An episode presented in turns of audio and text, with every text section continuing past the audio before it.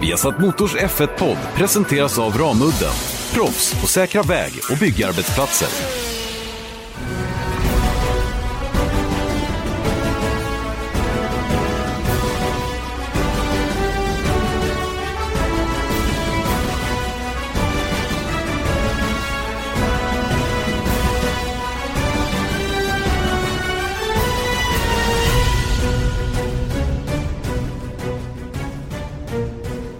Otroligt varmt välkomna ska ni vara till Viasat Motors Formel 1-podd. Det är eh, racevecka igen. Janne Blomqvist, Erik Stenborg eh, ska ta itu med Formel 1-premiären den här veckan.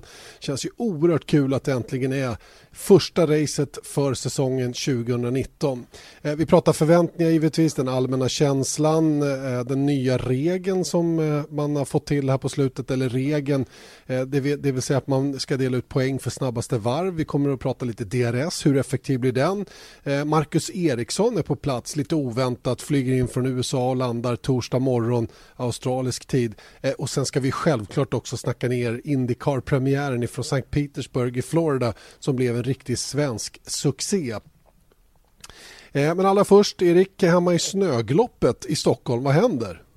Ja, det är precis, det händer inget mer än så. Det är snöglopp. Det är ingenting att ja, prata om. Vad men det intressanta, ja, ja men verkligen och eh, speciellt eftersom jag var någon annanstans för en vecka sedan. Men skit i det. För att du är i Australien tycker jag känns roligare än att vara i ett snögloppigt Stockholm och dessutom så kan vi konstatera den här morgonen att trots att du reser över halva världen så har jag ändå mer logistikproblem än vad du har. ja men så är det. Du är i den åldern Erik, det är därför. Mm, det är I've been In... through that. Been ja, there, done that. Det är bra. Men hur är det i mm. Australien då? Hur mår ja, du? Men det är kom... bra. Det är bra. Ehm, lite svalt får jag väl att säga. Det har varit mulet idag, sol emellanåt och eh, vad kan det vara, 17-18 grader varmt. Nu sägs det att det ska bli väldigt mycket varmare framåt helgen, upp mot 30 grader. Ehm, och man mm. får ju som alltid där nere i Australien passa sig för solen för den är väldigt, väldigt stark. Jag tror mm. vi hade ett UV-index på 6 som mest idag. Och vad är högst? Jag tror att 10 är högst på den skalan. Så att, och, men då är det ju det är som att lägga sig i grillen. Så det ska man ju definitivt undvika. Och jag, jag såg på nyheterna faktiskt att det nu är, är det är compulsory, vad heter det då? obligatoriskt med solkräm i skolan. Mm. De har ju faktiskt en sån här kampanj. Jag kommer ihåg senast jag var i Australien så stod det det överallt och det har de hållit på med i tusen år. Slip, ja. slop, slap. Det är ju ett Typ så här slip on a t-shirt, slap on a cap and ja, slop on slopp, som sunscreen. Typ, så mm. Ozonhål, det är inte det som Formel 1 hjälper till med. Nej, det är det väl i och för sig inte. Va? Men jag tror i och för sig att det där problemet hade funnits i alla fall. För det är ju så här neråt att det är väldigt, väldigt tunt emellanåt. Mm. Vi hoppas att inte det ska drabba oss i alla fall den här helgen då när vi äntligen, Erik, ska få lite Formel 1-premiär. Det är ju någonting som jag vet att många har gått och väntat på länge och nu är den här. Det är mm. absolut inte långt bort och man, eh, man har en liten eh, så här det finns förväntningar i luften. Den här Netflix-dokumentären dök upp häromdagen och gav lite Formel 1-vibbar. Eh, det har ju gått ett tag sedan testerna för då började mitt ljus att tändas på riktigt allvar igen. Men sen kom den här Netflix-dokumentären tillbaka, kom känslan då av att Formel 1 faktiskt snart drar igång. Vad känner mm. du? Ja men det är ju precis det och jag tyckte att den där Netflix-dokumentären var riktigt, riktigt bra med tanke på vad den ska göra och det är ju att peppa upp för. Det är ju en beställningsprodukt produkt från Formel 1. Såklart, och sen så ska ju folk tjäna pengar på det också. Så det väl, det, vad jag förstår så har Netflix då varit väldigt eh, noggranna med liksom det journalistiska. Att de ska ha full access och ha sista säget i mm. vad som kommer med och inte. Eh, och det är därför Mercedes och Ferrari inte figurerar, som ni kanske har tänkt på. Att eh, de syns ju i bild sådär, men de är aldrig egentligen med behind the scenes. Och du, det är för att de, ja, de vill inte vara med. Nej, eh, det är intressant för jag satt bredvid Bradley Lord på flyget hit från Singapore till Melbourne. Han är ju kommunikationschef på Mercedes och vi pratade just om det där varför eh, Mercedes och Ferrari inte var med och han menar ju på att eh, det fin- visst, de har ju avböjt för att de har, de har inte tid. Alltså det, det, går liksom inte, menar de, på själva att, att, att släppa till det här lilla extra till Netflix då och få, få följa med toppteamen också under, under skinnet så att säga. Va? Eh, men han menar ju på också att de får ju så mycket exponering ändå. Så är det några som, som eh, kanske har mer nytta av den exponeringen som en Netflix-dokumentär ger så är det ju de andra teamen. Och det, det, är väl i och för sig eh, ett sätt att försvara sig eh, över mm. att man väljer att avstå vara med. Men det finns ju en viss logik i det påståendet också. Jo, men jag kan garantera att Bradley Lord och gänget på Mercedes avböjde inte för att vara schyssta mot de andra. Nej, så är det ju. Det, nej, och, men det, det, är ju naturligtvis det första. Att, att de, de liksom... Eh, och det, man, vi, vi pratar lite grann om föraraccessen rent allmänt för deras del och sådana saker. Och, och det är, det jag har ju ibland haft lite svårt att förstå det där att de är njugga och släppa till sina förare och så vidare. Men det är ju trots allt ett ganska eh, det är ett tajt schema för dem rent mm. generellt och, och, det är inte lätt att vara alla till lag. Så enkelt är det och det, det får ju vi Nej. acceptera så att säga och det finns, en, det finns en hierarki också i depån vilka som de skjuter in sig på. Det, det var han väldigt tydlig med. Jo men det är klart att det, det, är ju självklart att det är så. Men sen så om man stannar vid Netflix-dokumentären som heter Drive to Survive för övrigt. Som jag kan rekommendera faktiskt. Så att, eh, trots att det inte är via Play. Men jag tycker att det är bra att de gör en sån där. Det ökar intresset här i Sverige också. Såklart. Självklart. Och den, jag tyckte den kanske var lite tunn innehållsmässigt. Va? Men den, den, är ju inte för mig. För jag kan ju den där storyn redan. Men, mm. men för alla andra som inte får samma access så, så är den, fyller den verkligen sin funktion. Mm. Sådana som mig ungefär. Ja, jo, men det, mm. ja, i och för sig. Ja. Sen är det mycket snygga bilder och hej och hå. Ja. Ja, du, men jag gillar sportdokumentär. Men jag vill bara säga det där sista, ja, att jag ja. tycker att det är dumt av Mercedes och Ferrari. För att jag menar, hela deras eh, anledning till att de är med i den här sporten är ju för att synas och eh, marknadsföra sitt varumärken och de varumärken som är med dem. Hade jag varit eh, SKF eller någon annan sponsor som finns på, eller Petronas, jag menar jag hade gärna varit med på en, en eh, hyllad Netflix-dokumentär på ett mm. helt annat format till en helt annan publik än de som tittar på F1 Live. Faktiskt. Eh, självklart är det så. Ingen tvekan om den saken. Eh, vi har idag i Melbourne, för att byta ämne, eller egentligen inte byta ämne, så har det dessutom varit en, en lansering av säsongen. The F1 2019 Season Launch. Mm. Och jag hade sålt in det här till min dotter som är med här nere och sagt att det kommer att vara värsta draget i stan här och så. Och det kanske inte var riktigt så. Men, men mm. de försökte i alla fall Formel 1. De hade byggt en mm. scen nere på Federation Square och det var kravallstaket och, och allt som ska, ska finnas därtill. Eh, och Mark Webber och någon lokal eh, programledarkvinna var på scenen och eh, man tog emot förarna som kom in på en prom på floden och, och alla klev av och blev intervjuade. Och, eh, de sen gick upp på scenen och varje team fick en kort kort presentation. Det här höll på ungefär en timme och gått att se. Och det går att se faktiskt på F1s Facebook-sida om man känner för det.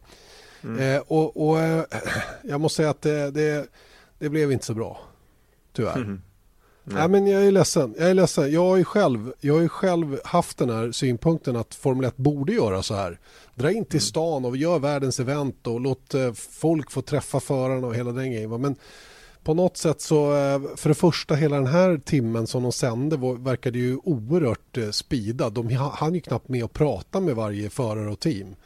Det var liksom så här quickly, quickly, säg något om säsongen, så här quickly, quickly. Mm skynda dig. Och när de klev av den här rackarns promen så stod det ju Will Buxton och Rosanna Tannant heter hon de, mm. de stod ju där nere och tog emot och, och förarna liksom stannade knappt till och hon var ju så exalterad så hon stod nästan och hoppade där nere och kom fram till Lewis Hamilton. Åh, hur spännande är den här säsongen? Och han svarar då lite avmätt att ja, du verkar mer entusiastisk än vad jag är.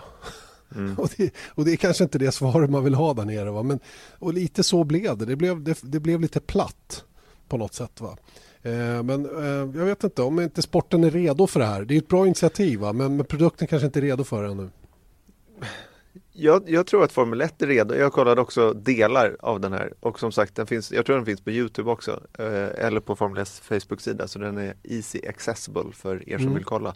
Men jag tycker att det är det här gamla vanliga. Att jag tycker initiativet från Formel 1 toppen bra. Jag tycker liksom själva settingen var bra. Federation Square är ju liksom mitt i smeten eh, för att skapa intresse och jag menar att det händer någonting i stan. Det var ju någonting som Sean Bratches har, alltså han som är marknadschef för Formel 1 har verkligen haft panik över när Liberty tog över Formel 1. Att när han kom till en flygplats, om han kom till Barcelona och landade på flygplatsen eh, samma helg som eh, GP skulle vara så fanns det liksom ingen indikation på att det var ett jättestort event när, i närheten av stan. Och det är det här de ville lösa då.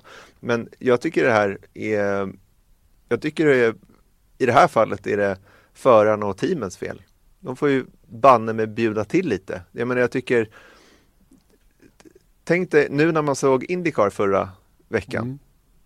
Då är ändå liksom, där kan jag tycka att det går lite over the top när man hör intervjuerna med typ så här Joseph Newgarden efter kvalet liksom och han bara well, the team have, de tar teamnamnet och de tackar och bockar Chevrolet och allting sånt där. Men det är som att det är vattentäta skott mellan de som faktiskt betalar de här förarna att köra och mm. möjliggör det till till förarna själva. Så det, mm. det blir liksom bara, jag menar att Lewis Hamilton säger en sån grej, det tycker jag är BS, ärligt talat. Ja, jag tycker han, han, han, ska faktiskt, om man ska dit, då får de ju köpa in sig på det här och se det här som en god möjlighet att komma i kontakt med fans, bygga sporten, liksom lägga grunden för sin egen tillvaro. Mm. Jag fattar inte att de inte gör det. Nej, jag, jag, kan bara hålla med och det, det, var precis den känslan man hade också. Att, att liksom, ja, vi är här för att vi måste typ. Va? Den känslan fick man. Den enda som inte levererade en sån feeling var ju självklart Daniel Ricciardo. Och mm. han är ju ett unikum kan man ju säga. Va? Och, och sen finns det några som, som lite, så här, lite krystat försöker vara roliga och lite folkliga och populära så här, och utan att lyckas. Va? Så att här har man ju lite att jobba med ärligt talat. Om de här profilerna som vi nu vill ska byggas verkligen mm. ska gå igenom också på det sättet som de ska. Sen, sen, sen är det ju så, de kan ju inte hjälpa att det står 1500 pers där och inte 15 000. Nej, det, det, men... det, är liksom svårt att göra någonting åt. Va? Men, men, och det kanske kommer på sikt, inte vet jag. Eh, det är klart att man ska lansera eller starta en säsong med buller och bång. Eh, mm. Tycker också man kan jobba lite mer med de här presentationerna. Det, var lite så här, det kändes som, en, kändes som ett företagsgig som mm. inte kanske hade fått den största budgeten. Vad förstår du? Mm. Mm. Lite så. Ja, det, lite så. Det, det, kan jag absolut köpa in mig på. Mm. Den grejen. Men det är just right. det där att jag, jag, tror att det är den här uh, diskussionen runt att Liberty och Formel 1 som sådan, eller teamen och deltagarna i Formel 1 kanske inte är helt överens. De kanske tycker att det här är, att de blev överkörda för att de tvingas vara med på en sån här grej. Men då tycker jag att de är kortsiktiga. Mycket kortsiktiga. Och det, det, är rent av dumt att tänka så. Utan det är klart att alla ska ju pumpa hårt. Och man märker att eh, marketingavdelningarna och de som sköter sociala medier hos teamen har ju vaknat till. De kör ju ganska hårt och eh, hela retoriken i alla meddelanden och allting är att nu är det äntligen premiär. Då skulle man ju vilja att det gick genom hela linjen även ut i för.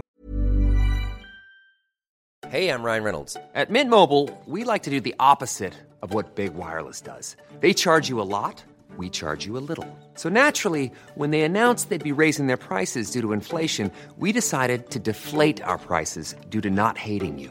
That's right. We're cutting the price of Mint Unlimited from $30 a month to just $15 a month. Give it a try at mintmobile.com slash switch. $45 up front for three months plus taxes and fees. Promote for new customers for limited time. Unlimited more than 40 gigabytes per month. Slows. Full terms at mintmobile.com. Att de känner så att det är sjukt himla roligt att det ska bli lite körning nu faktiskt. Något som vi många har gått och väntat på. Dess bättre Erik är det ju så här dock att när, när sändningar drar igång på fredagen och det blir det här liksom sportsliga allvaret va, då, då får man ändå den här riktiga premiärfeeling i alla fall. Mm. Ja, och det var absolut. lite det jag menade. Det kanske inte är så att produkten är redo för de här publika eventen ännu. Men de mm. borde snabbt bli det i alla fall för det kommer de att tjäna på själva i förlängningen. Mm. Eh, du, eh, förväntningar då inför säsongen. Eh, om du och jag skulle ta och göra en liten spaning mm. inför säsongen och eh, du får, och jag också då, hosta upp tre stycken punkter som du känner att det här, det här ser jag fram emot den här säsongen 2019. Så börjar du så ska jag fylla på sen. Mm. Den första, jag, jag, vet inte om det här är en spaning utan det här är liksom från min egen, mitt egna huvud. Är det Charles Leclerc. Mm. Känner jag, om jag, om jag är spänd på, ja, fighten i Ferrari skulle jag kunna lägga den eh, titeln på. Det är eh, kanske det, nästan mer just nu, i varje fall till premiärhelgen, är jag mer sugen på att se stämningen och känslan och eh, fighten internt i Ferrari mer än fighten med Mercedes eller Red Bull. Mm. Jag håller med. Jag, jag, det är bara så hypat runt det där, runt Leclerc och han gjorde en grymt bra fjolårssäsong och sen så Vettel gjorde en mindre bra efter förutsättningarna och nu ska, det liksom, nu ska de drabba samman. Mm. Och, och um, hur bra är Charles Leclerc? Det, det, får vi då ett svar på skulle jag vilja säga och kanske inte, inte just i Melbourne men, men nu börjar liksom, nu ska vi snart få kvitto på hur bra han faktiskt är. Och det, det ser jag oerhört mycket fram emot också. Verkligen. Mm. Han är en superintressant förare och eh, han, han, han framstod ju som väldigt avslappnad och eh, han säger själv att han är väldigt avslappnad inför premiären och så här, han ser fram emot lördagen. Det tycker jag var lite kul att han lyfte fram när han faktiskt blev intervjuad. Jag, jag ser fram emot lördagen, sa han. Och jag vet mm. att han, han kvalar med ett enormt självförtroende. Sen får mm. vi se om han har det kvar efter Melbourne eller inte. Mm. Ja, verkligen. Mm. Du då? Första? Eh, min första, ja, jag är på samma spår fast jag är himla nyfiken på jag är framförallt himla nyfiken på Alfa Romeo. Mm. Eh, som Charles Leclerc körde för förra året.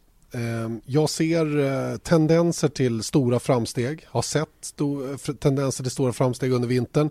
Jag har hört lite under ytan mellan raderna att de är supernöjda med hur testerna gick hur bilen kändes, att allting funkade bra direkt när den rullar ur garaget. Jag tror inte att de har visat alla sina kort ännu.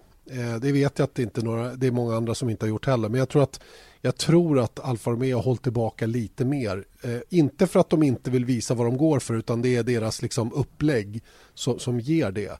Och, och mm. de, vet, de vet att de har ett bra paket i år. Och, men frågan är hur bra. Och det är det som är så himla kul. Och det gör det ju eh, extra spännande då med den line-up som de har i år. och eh, hela den grejen. Så Alfa Romeo, det, det känns som min nummer ett spaning faktiskt. Eh, så här i inledningen på säsongen i alla fall innan man byter fokus mot VM-fighten och sådana saker. Mm. Och jag hajade faktiskt till när jag såg Kimi Räikkönen på den här uh, season launch där på live på Facebook. Då säger han så well the car feels pretty good.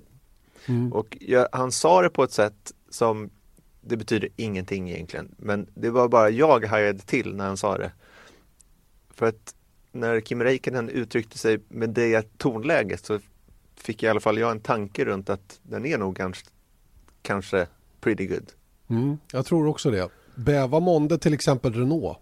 Mm. Jag vet att det är många andra, eller många experter som satt och följde testerna som har andra team högre upp så att säga. Va? Men, men mm. det har faktiskt inte jag. Och jag går på ren magkänsla här och lite grann vad jag har hört vid sidan av såklart. Va? Som, som mm. styr väldigt mycket magkänslan. Men, men äh, det ska bli sjukt spännande att se vad det här teamet tar vägen nu på riktigt allvar den här säsongen. Mm. Min andra punkt, där nu går jag lite före i schemat här, men Australiens Grand Prix-bana Albert Park eller vad heter den? Melbourne mm. Circuit eller någonting? Melbourne, Melbourne Street, ja något sånt där. Strunt ja. Albert Park säger vi. Mm. Eh, och det är ju en det kan ju vara lite av ett aber så här i början av säsongen för den främjar inte omkörningar direkt. Eh, det går väldigt tidigt på morgonen och det är, liksom, det är mycket som ligger emot en F1-premiär i Australien trots att det liksom känns som tradition numera att den ska vara där. Men det är just att det är en jobbig bana.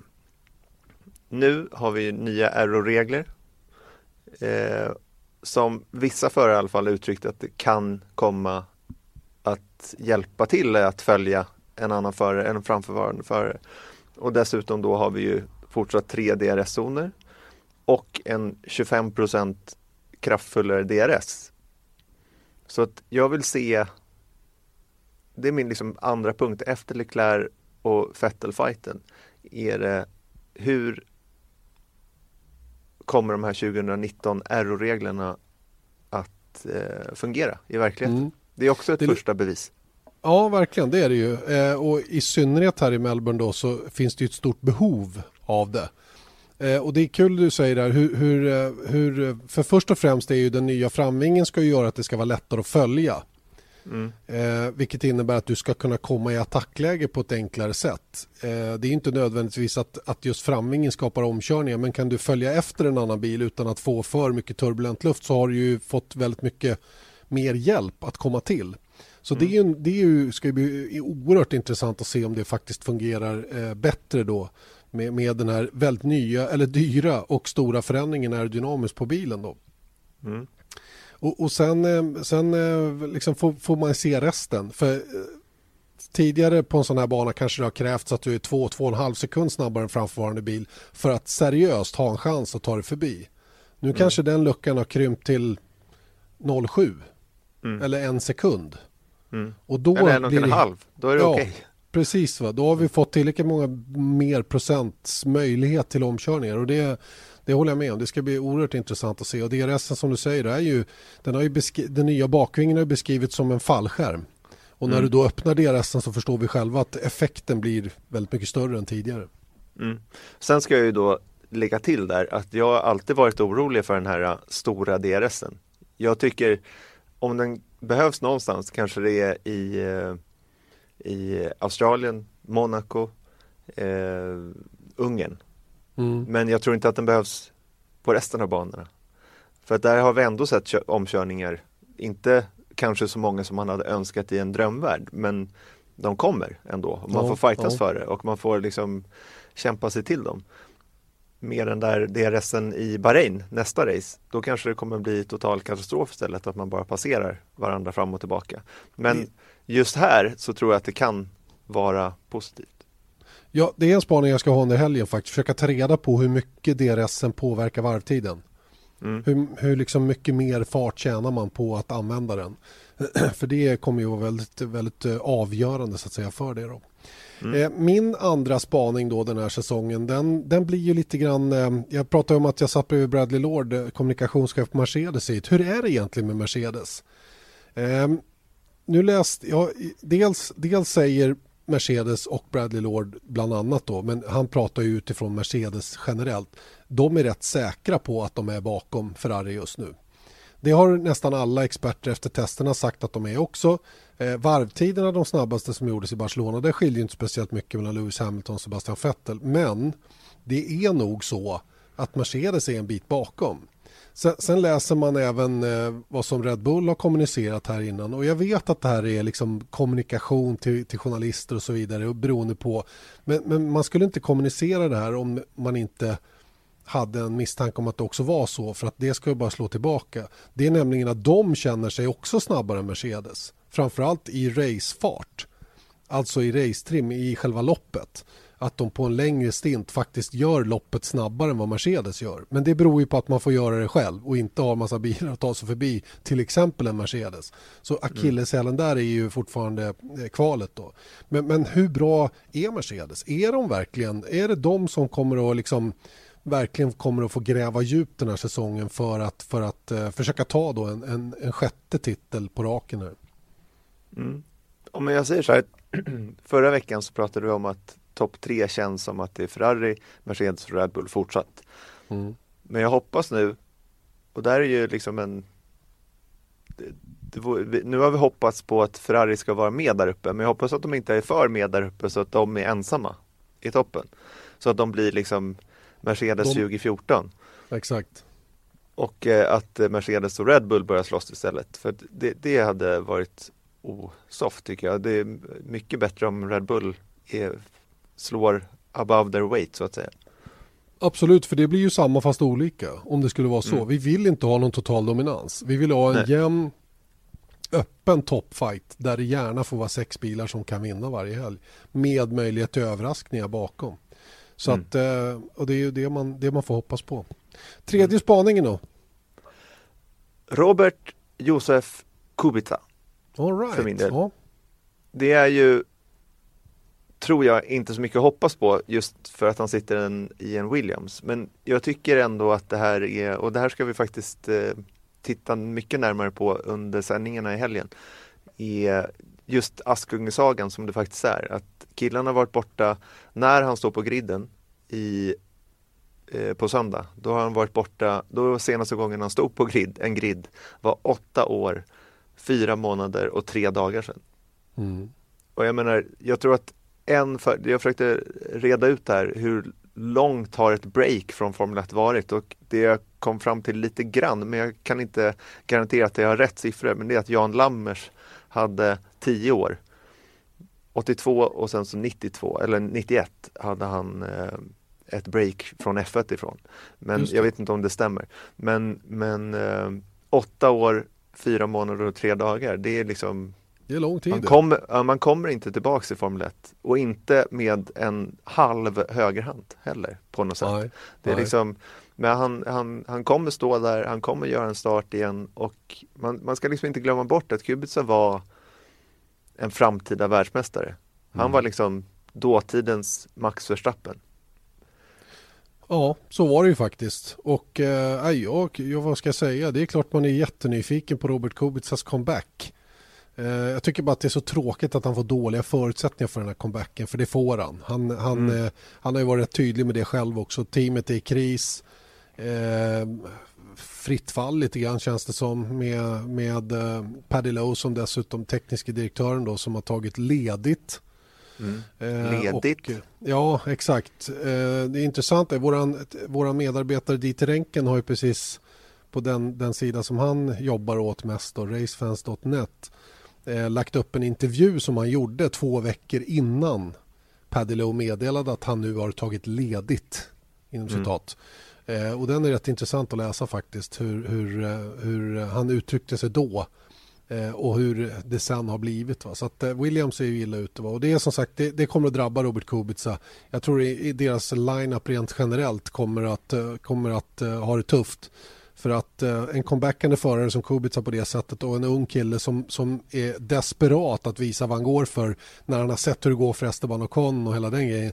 Han, han mm. Ehm, ja, det är inga bra läge. Verkligen inget bra läge. Och jag vet ju också, vi har ju sett det på nära håll, vad en dålig bil gör med föraren. Eh, mm. Utan att någon tänker på det, omedvetet på något sätt, så blir man, man blir inte bättre av det. Nej, eh, verkligen så, inte. Så, så, enkelt är det. Va? Så, så att, eh, ja, vi, vi, det där är, blir sjukt spännande att följa faktiskt. Mm. Ja, man får bortse eh. från resultatet tror jag, men jag tror att mer, i varje fall, vi kan nöja oss med första racet att han är där. Det tycker jag är en stor nog grej och sen får man hoppas att de på, med något under i bakfickan kan eh, kämpa sig tillbaka.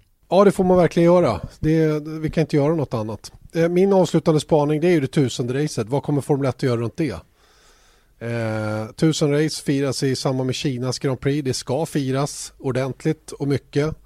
Och eh, vi får... Eh, ja, det, det, det, ska bli kul att se vad de gör av det. Eh, mot bakgrund av vad jag har sett idag då, från den här säsongslanseringen. Jag hoppas mm. verkligen eh, att, de, att de får till någonting värdigt. Den här, eh, de här tusen, tusen racen då som kommer att firas upp med Kinas Grand Prix. Mm. Jag ger dig underkänt för den punkten för det har ingenting med Australien att göra. Jaha, du 9, tänkte så? 998. Okej, okay. ja, ja, ja. Du tänkte att det skulle vara spaningen inför men premiärracet. Ja, ja låt men gå det var lite det. mer så här inför säsongen känner jag att, att eh, det där, eh, ja, det, det, det blir spännande. Ändå, på något sätt. You're off the hook, you're off the hook. Viasat Motors Formel 1-podd fortsätter att eh, komma in i matchen kan man väl nästan säga då inför Formel 1-premiären den här helgen i Melbourne, Australien. Eh, jag på plats eh, faktiskt bara några hundra meter från Albert Park och Erik Stenborg i ett snöglopp i Stockholm. Ehm, det finns eh, lite nyheter också inför helgen. Mm, det gör det. Som, eh, som vanligt har tagits emot med både ris och ros. Kan man säga så? Ja, det får man definitivt göra. Det va, va, nämligen, risar du eller ja. rosar du? Ja, men jag, ty alltså, jag tycker jag att kanske, äh, vi, det, vi kan väl berätta bakgrunden. Gör det du. jo, eh, det som har bestämt sig är alltså att det ska delas ut poäng för snabbaste varv. På exakt samma sätt som man gör till exempel Formel 2. Mm. Och eh, det är, inget, det är inget dramatiskt med det, det är inte speciellt kontroversiellt. Eh, varför vet jag inte, men, eller jag har inte förstått snarare varför man ska göra det. Men det är väl bra om man kan få poäng. Eh, extra poäng. Eh, men, men man delar alltså ut poäng för snabbaste varv om man är topp 10 vid målgång. Mm. så, då, om man är en av de 10 som är först i mål och eh, dessutom har gjort tävlingens snabbaste varv då får man en extra poäng. Så enkelt är det. Mm. Mm. Och eh, det här kan man ju prata om i flera timmar uppenbarligen när det är Formel 1. Men, men det är väl ungefär vad folk har gjort. Eh, kan man väl konstatera. Folk ja. är otroligt upprörda eller, eller mindre upprörda men de tycker ändå alltid någonting om saken och det ska vi också göra. Jag tycker att eh, det är väl jättebra. Jag tycker att eh, extra poäng, det är väl många klasser som har det, inte, inte minst Indycar och eh, What's the problem? Kan man tycka. Sen kan jag tycka, varför bara topp 10? Jo, men det tycker jag finns en poäng med, för, för det var min enda synpunkt. För det är ju världens lättaste att slå till med snabbaste varv. Det är ju bara att du mm. går in med fem varv kvar, slänger på nya däck och så åker ut och bombar bara när den är tom bilen och alla andra måste tänka på sina race-strategier. Så, så, sådana billiga poäng ska man inte få. Det tycker inte jag i alla fall. Det är, det, det är liksom mot sportens andemening. Så att eh, visst, du ska vara topp 10. Absolut. Det tycker inte jag. För att om du är Williams, då kan de i alla fall samla upp lite poäng. What's the problem with that? Jo, men då är det ju bara att ge poäng till alla team över målgång istället. Det är ju mer affär än, än hålla på med sådana för det blir en gimmick då, tycker jag. Mm. Det, då får man inte betalt för sann fart, utan bara för att man skiter i resten. Och det vet inte jag om jag tycker är, är bra. Va? Så att, eh, jag tror att den här, den här spärren att du måste vara topp 10, den, den, eh, den, den, köper jag faktiskt. För det, det blir ju någon slags motprestation då också. Det, det var ju debatt runt eh att man skulle få en poäng för pole position också. Mm. Men det är de ju, varför de tog bort det är ju just av den anledningen att om du kan säkra mästerskapet redan på lördagen mm. och det är inte bra. Om du leder med eh, 25, ja, 24 poäng så, så, och så tar du en extra, så tar du pole position och så är det redan avgjort. Men jag, menar, jag tycker samtidigt att i de fallen så är det ju så oerhört liten chans att någonting ska hända sista racet i alla fall. Så att och det, det, är otroligt liten chans att det ska ske, att liksom poängberäkningen är på det viset ändå. Men eh, ja, jag, ser inte ett problem med att man kan vinna VM på snabbaste varv faktiskt. Nej, Nej det kanske är så. Och jag, jag ehm, som jag sa tidigare, jag tycker inte det är något kontroversiellt beslut. Jag, mm. jag, bara förstår inte riktigt behovet av det. Det delas ut poäng tillräckligt ändå. Men eh, visst, eh, om, om, man tycker att den som är snabbast då, som går i mål topp 10, ska ha en extra poäng för det, fine. Ge mm. det då. jag, jag har svårt att bli upprörd i alla fall.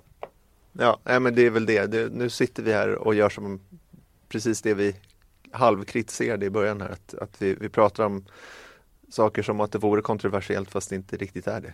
Nej, tycker, nej, tycker dock att de ska snabbare än fort, eh, snabbare än kvickt heter det väl, att man ska ge poäng till alla förare. Mm. Fortare än kvickt heter det för övrigt. Fortare än kvickt, snabbare, ja, men snabbare än kvickt, snabbare fortare, det är väl samma sak.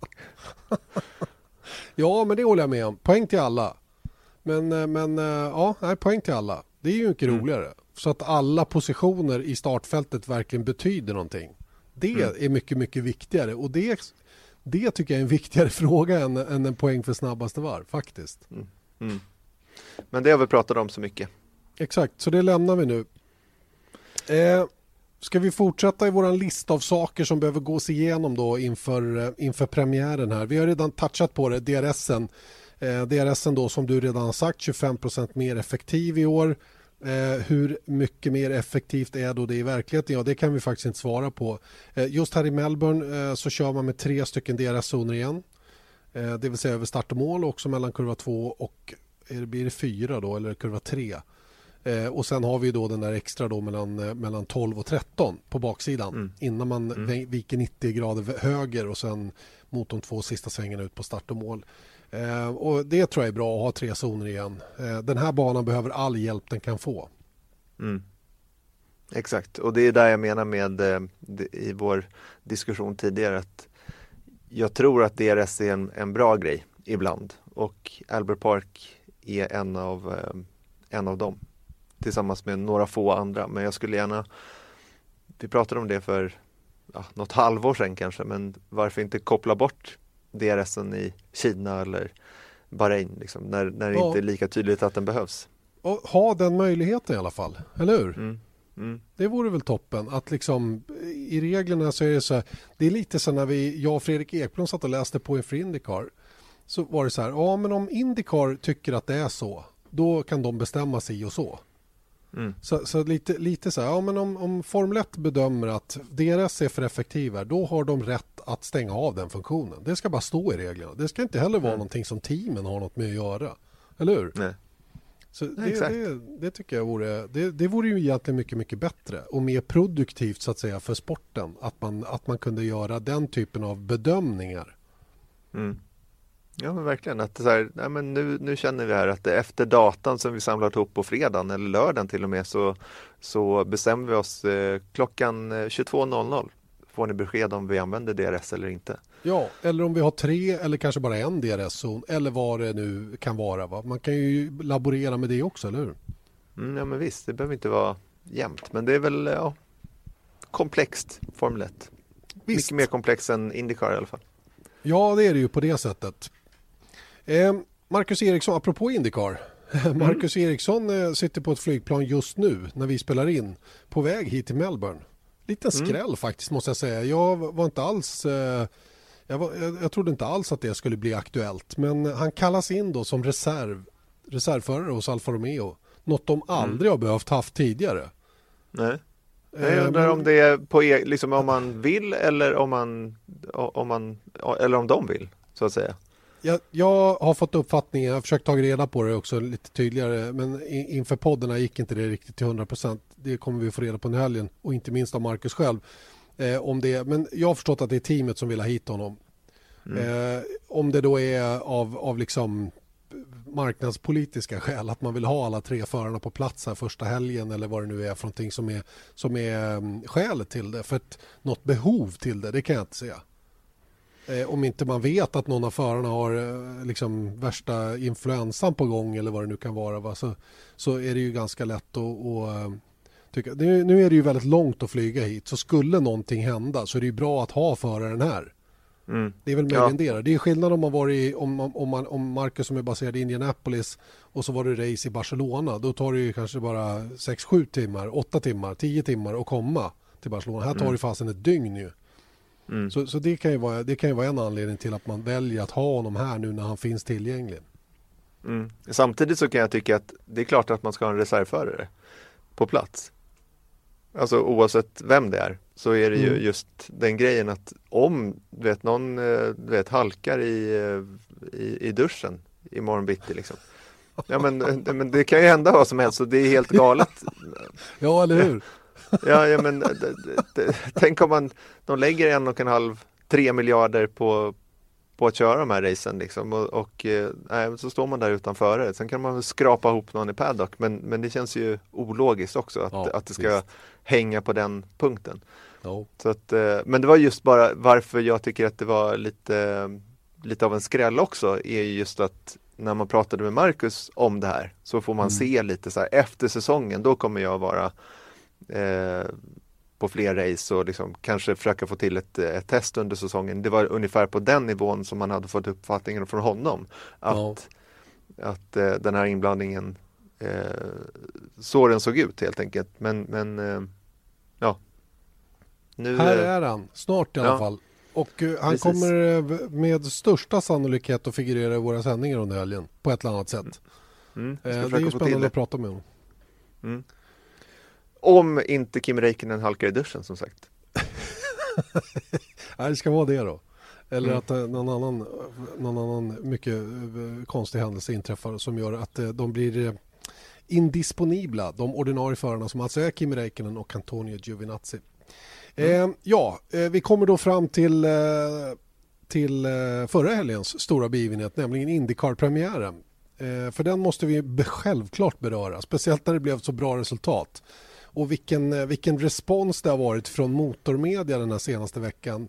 Eh, kanske främst i USA givetvis men, men även, även i våran värld och i Formel 1-sfären så har eh, den debut som Felix Rosenqvist gjort fått ett sånt genomslag så man mm. blir nästan lite rädd för vad de ska skriva när det går riktigt bra, om det nu gör det. Mm. Det är lite som att sätta på sig dunjackan när det är fem plusgrader för att det börjar bli lite kallt på hösten. Vad ska man ha när det blir minus 20? Förstår du vad jag menar? Mm. Ja, precis. Men, men Kanske lite har, för tidigt. Ja, ja jag har inget som helst problem med att berömma Felix Rosenqvist för det var en så otroligt, otroligt bra insats från hans sida. Eh, hela den helgen var ju liksom bara stolpe in på kvalet och sen backade han upp det med ett ruskigt bra varv i Q3 och sen hela racet. Vilken, mm. vilken eh, respektlös körning och, och, en sån som Will Power blev ordentligt luggad faktiskt in i första sväng och han bjöd ju tillbaka ordentligt när Felix kom ut ur depån vid ett annat tillfälle och markerade. Det vill jag mm. hävda att han gjorde mot mm. Felix. Att du, det här är ditt första race. Jag är kung här. Lite så mm. va. Så att, och sen eh, blev det ju lite som det blev då med strategier och sådana saker. Men vilket, vilket sjukt bra lopp av Felix Rosenqvist. Verkligen. Mm. Det är lite som den där andra tidningsartikeln som skrivs om han vinner. Jag kan inte lägga till, jag har inga fler superlativ att lägga till just nu. Men, men eh, samtidigt så tycker jag så här, apropå din första poäng där, är att eh, superlativ kan man väl alltid komma Slösa på. med. Ja. ja. Så att speciellt när, när någon förtjänar det. Och jag menar det var verkligen eh, en, en ja, det, jag, jag, skulle vilja hävda att hade inte kun, han hade inte kunnat göra det bättre. Nej, inte på egen hand. Verkligen inte. Nej. Och det är som vi sa i sändningen också att han förlorade ju verkligen inte segern på banan. Utan Nej. det var ju andra faktorer som, som gjorde det. Jag pratade lite med, med Felix om det. Han sa det att ja, men det var lite jag, det var lite teamet, det var lite oflytt. Så här. Det var teamwork precis som vanligt menar han på som gjorde att segern aldrig riktigt fanns där och, och grabba tag i. Sen var det en annan faktor tycker jag som blev avgörande. Titta på vilka som, egent, som gick mål längst fram. De hade ju faktiskt varit bakom Will Power och Felix Rosenqvist i början. Mm. Vilket för mig berättar att det var en fördel att ligga bakom och kunna se lite grann vart strategierna tog vägen snarare än att vara framför och vara den som kanske måste bestämma först hur man ska göra. Mm. Eh, så, så, och det, det, det nyttjade ju Penske och Joseph Newgarden väldigt, väldigt väl och såg till att han kom upp. Men även Scott Dixon eh, jobbade ju på samma sätt sig fram till andra platsen. Mm. Medan ja, Power, då, Power halkade ner till tredje och, och Felix då till slut i fjärde.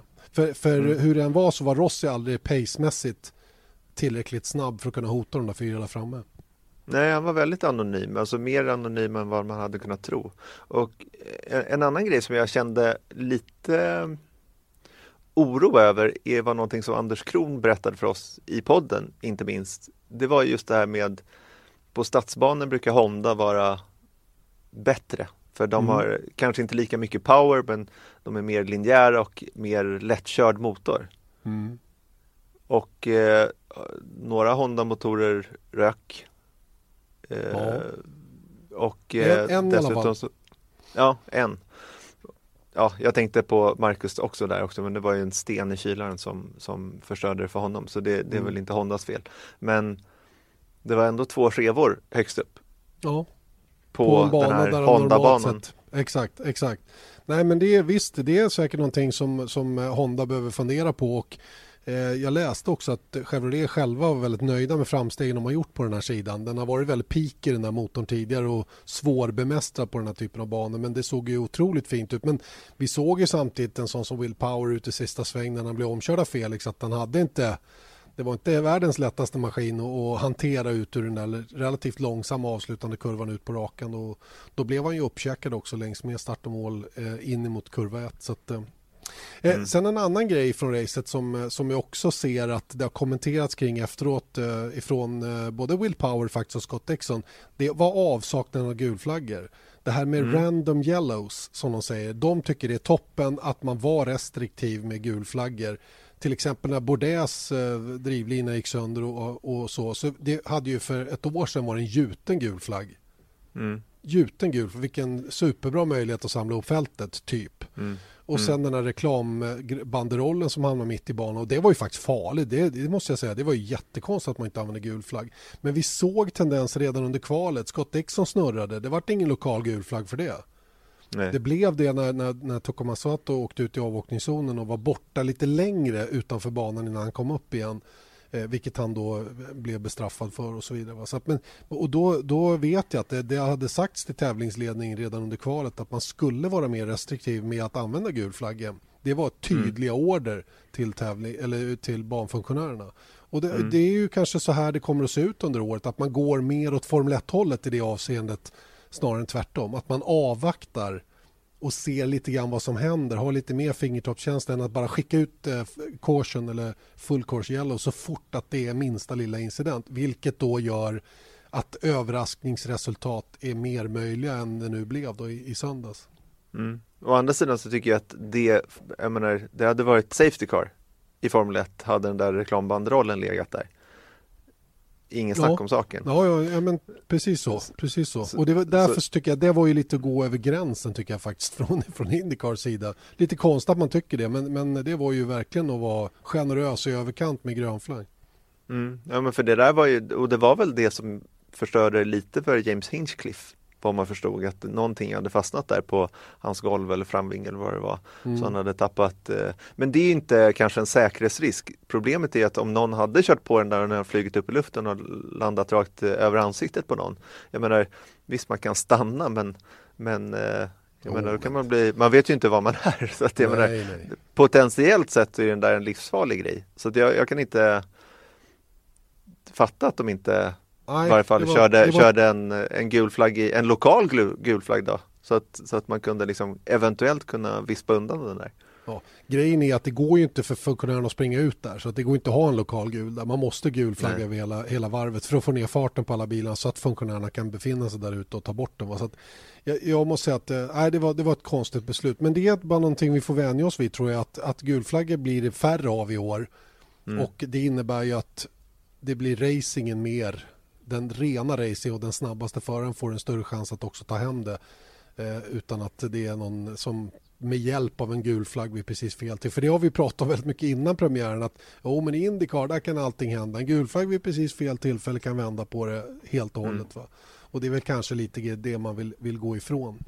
Mm. Eh, lite grann i skymundan apropå det, alltså Marcus Erikssons insats måste också lyftas tycker jag för den var, den var stark. Inte under lördagen men på söndagen och jag tycker även fredagen såg okej ut. Så att, och jag menar den uppkörningen och den position han hade när motorn eh, gick varm på grund av den här stenen i kylan. Det var ju, det var ju en topp 8 placering på gång. Jag menar Hinchcliffe mm. var sexa i mål. Marcus skuggade ju Hinch innan han mm. fick problem med bilen. Och jag är, jag är tveksam till om Pagino hade varit före Marcus om de hade raceat varandra eh, så tillvida. Va? För att han fick ju chansen att gå ikapp Hinchcliffe när, när eh, Hinchcliffe inte kom förbi eh, Max Chilton vid, vid, ja, vad de nu kallar för varvning där borta. Va? Så det, det, jag, jag, tror att det fanns ett bra resultat där och tänk om vi hade haft båda svenskarna topp 10. Det hade ju varit ett riktigt, riktigt superresultat verkligen. Mm. Ja men det blev ju lite så här, det var ju nästan, han var ju knappt i bild som vanligt. Oh. Eh, lite tråkigt faktiskt men, men där finns i alla fall någonting positivt, positivt att ta med sig. Sen ska man ju säga det att han fick bryta, det var jättetråkigt. Det andra som fick bryta också. Ja, ja. Utan det så hade han inte kunnat kanske varit, men topp 10 tror jag hade fullkomligt rimligt hade varit. Ja, så att absolut. Det är svårt att säga, jag menar, han kanske hade kommit femma om han hade fått, man vet ju inte vad som hade hänt. Så att det är hypotetiskt. hade kvalat bättre. Ja men precis, ja, men det är hypotetiskt allting. Men, men jag tycker det var, var positivt i alla fall att trots att lördagen inte var bra så fanns det någonting där på söndagen. Exakt. Och nu kommer de till Kota om två veckor. En vecka, helt annan, en och en halv. Ja, en och en halv. Så, och där är helt andra, det är en helt annan typ av bana som verkligen. ni alla vet. Ja, det, jag ser fram emot det verkligen nu, lite grann mot bakgrund av vad vi såg i söndags. För nu kommer vi verkligen till någonting helt annat. Jag har väl inga större, det är klart att de tre stora teamen kommer att vara snabba även på Kota, för det var de under mm. testerna. Eh, Colton Hurta var ju sjukt snabb på testerna på Kota. Mm. Eh, frågan är hur snabb han kan vara. Han visade ju också bra fart faktiskt i racet i, söndags även om han delvis gjorde något misstag som gjorde att han fick kämpa från lite sämre position än egentligen hade behövt vara. Mm. Men eh, Indycar-premiären är i alla fall avklarad och den kunde inte ha börjat. Ja, det hade den i och för sig. Va? Men en smakstart verkligen med, med svenska ögon. Eller hur? Mm, absolut. Jag, jag kul att vi sänder, verkligen. Ja, verkligen. Otroligt roligt. Och eh, det är dags att runda av podden. Mm. Eh, jag, fick, eh, jag, får, jag får så här duster av jetlag så jag kan inte sitta och prata i timvis idag. För då Nej, kommer jag, jag ramla av stolen. Jag är väldigt kissnödig också. Ja, men det är bra. lite, tid, lite tider för helgen är ju intressant. Eller först och främst, Erik, vad kan vi se fram emot i våra sändningar? Ja, som jag nämnde så kommer vi ta ett grepp på um, Robert Kubica, Kanske en av dagarna, kanske båda av dagarna beroende på hur det går här. För att apropå, det vi pratade om mycket förra året, att eh, det är inte helt lätt att få till det alla gånger. Vi hade en eh, lång intervju bokad med, med eh, Kubica som sen blev avbokad och nu kanske den är påbokad eller lite halvt avbokad igen. Vi får se. Men Robert Kubica kommer ni få träffa i någon form. Sen så kommer vi såklart att titta på de som man tror kommer vara med och slåss om VM och kanske de förarna som har allra, allra mest press på sig i hela Formel 1. Eh, det får ni se vilka vi tror de är eller vilka ni tror de är helt enkelt. Och sen så eh, har vi ju, ni kanske såg den där eh, reportaget som vi gjorde om Indycar när Rickard Rudell gick igenom eh, grunderna i Indycar. Vi gör en liknande grej fast nu med Formel 1 och nyheterna som eh, en grundlig genomgång helt enkelt med nyheterna inför denna säsong som ni behöver ha koll på.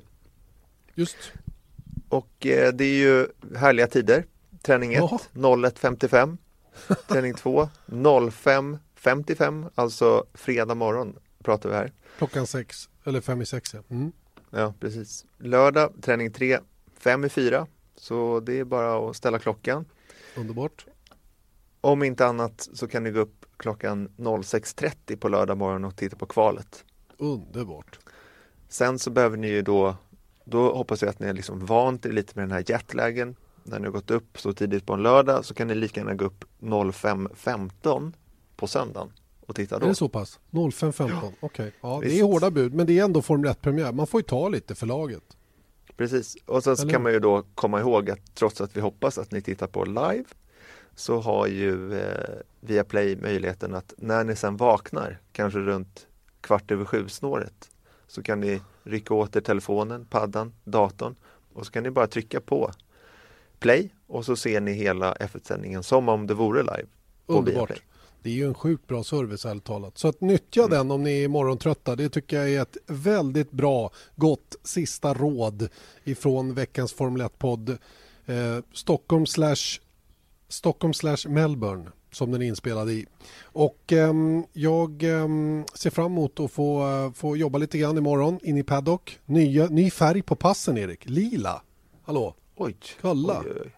Hur coola Hur som helst. det på riktigt där? Ja, men det, det, man tror inte det är sant. Vet du. Det är samma gamla bild från 1978 men det, det är liksom det är ändå coolt. Mm. Så att, eh, det här är en, det är en ny säsong på riktigt nu. Nya tider. Good night verkligen. mate. Tack så mycket. Så så gott höll jag på säga. Eller ha en bra dag. Detsamma. Sov gott. Vi har satt Motors F1-podd presenteras av Ramudden. Proffs på säkra väg och byggarbetsplatser.